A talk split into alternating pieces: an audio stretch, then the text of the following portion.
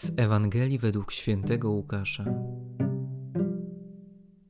Bóg posłał anioła Gabriela do miasta w Galilei, zwanego Nazaret, do dziewicy poślubionej mężowi imieniem Józef, z rodu Dawida. A dziewicy było na imię Maryja. Anioł wszedł do niej i rzekł: Bądź pozdrowiona, pełna łaski, Pan z tobą. Błogosławiona jesteś między niewiastami.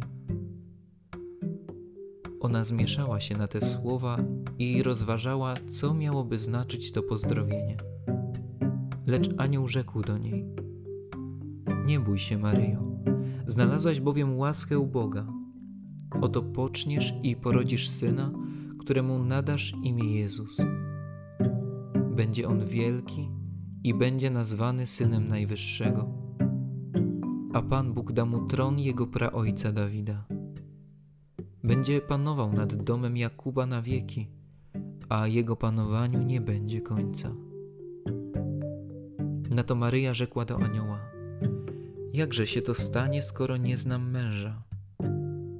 Anioł jej odpowiedział: Duch Święty zstąpi na ciebie i moc Najwyższego osłoni cię.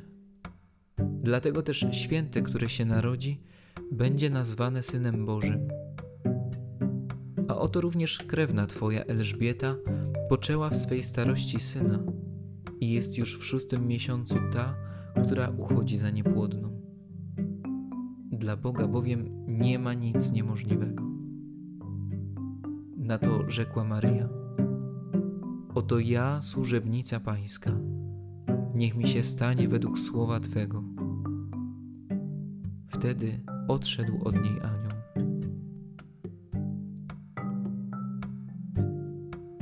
Każdego dnia kierujemy do Boga słowa modlitwy, której nauczył nas sam Jezus Chrystus.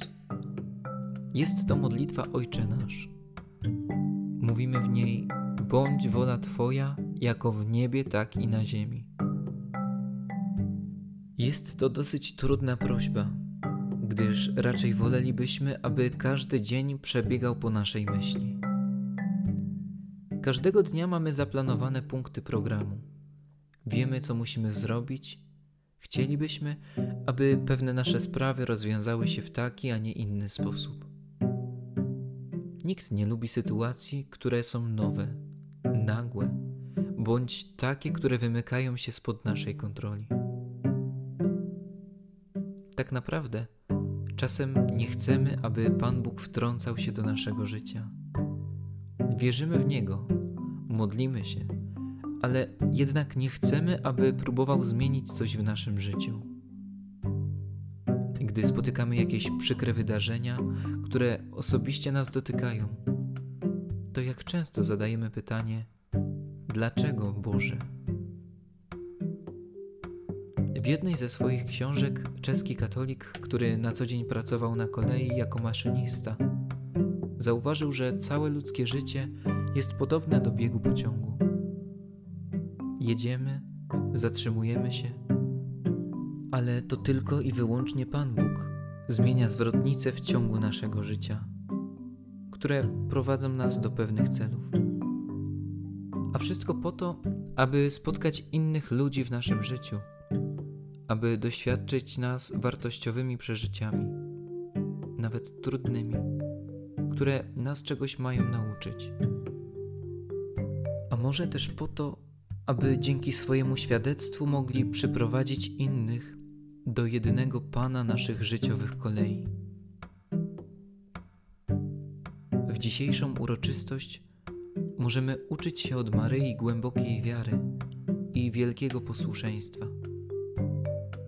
Nie rozumiała tego wówczas, co anioł jej zwiastował, ale przyjmowała te słowa z wiarą i rozważała je zdała się jedynie na wolę Bożą. Oto ja, służebnica Pańska, niech mi się stanie według Twego słowa. Choć niewątpliwie rozpoznanie woli Bożej i zdanie się na nią jest po ludzku trudne, to jednak prośmy szczególnie dzisiaj niepokalaną, abyśmy swojej woli nigdy nie stawiali wyżej od Bożej.